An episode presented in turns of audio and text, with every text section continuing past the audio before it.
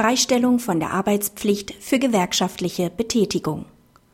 Der Arbeitgeber muss bei der Ausgestaltung von Schichtplänen den Wunsch des Arbeitnehmers, an Sitzungen einer Gewerkschaft teilnehmen zu können, angemessen berücksichtigen. Die Arbeitnehmerin ist bei der Arbeitgeberin gewerblich beschäftigt. Sie ist nicht freigestelltes Betriebsratsmitglied. Bis August 2008 arbeitet sie regelmäßig von 6 bis 14 Uhr.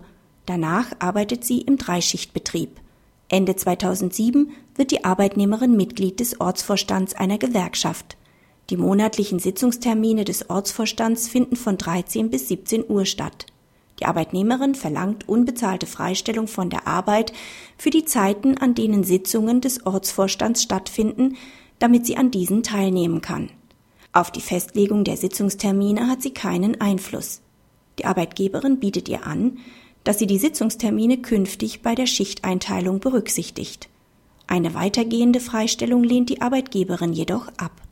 Da beide Seiten den Rechtsstreit übereinstimmend für erledigt erklären, entscheidet das BAG nur noch über die Kosten.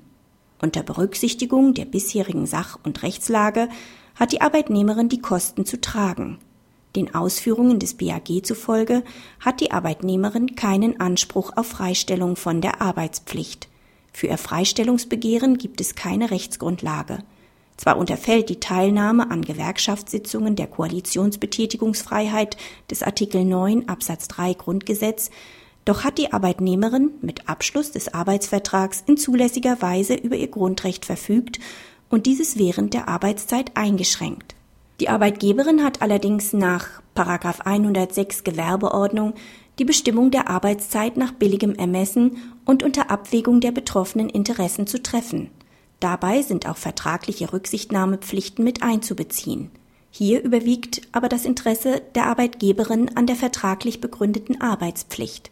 Als Mitglied des Ortsvorstands fällt es in den Verantwortungsbereich der Arbeitnehmerin, auf die Termingestaltung einzuwirken. So scheidet auch ein Leistungsverweigerungsrecht der Arbeitnehmerin nach 275 Absatz 3 BGB aus. Soweit die Arbeitnehmerin im Schichtdienst tätig ist, hat die Arbeitgeberin nach 106 Gewerbeordnung die Sitzungstermine bei der Schichteinteilung zu berücksichtigen. Praxishinweis. Der Arbeitnehmer hat keinen abstrakten Anspruch auf Freistellung zur gewerkschaftlichen Betätigung während der Arbeitszeit. Bei der einseitigen Festlegung der Arbeitszeit muss der Arbeitgeber aber das Interesse des Arbeitnehmers angemessen berücksichtigen. Tut er dies nicht, kann der Arbeitnehmer die Arbeitszeitregelung gerichtlich angreifen.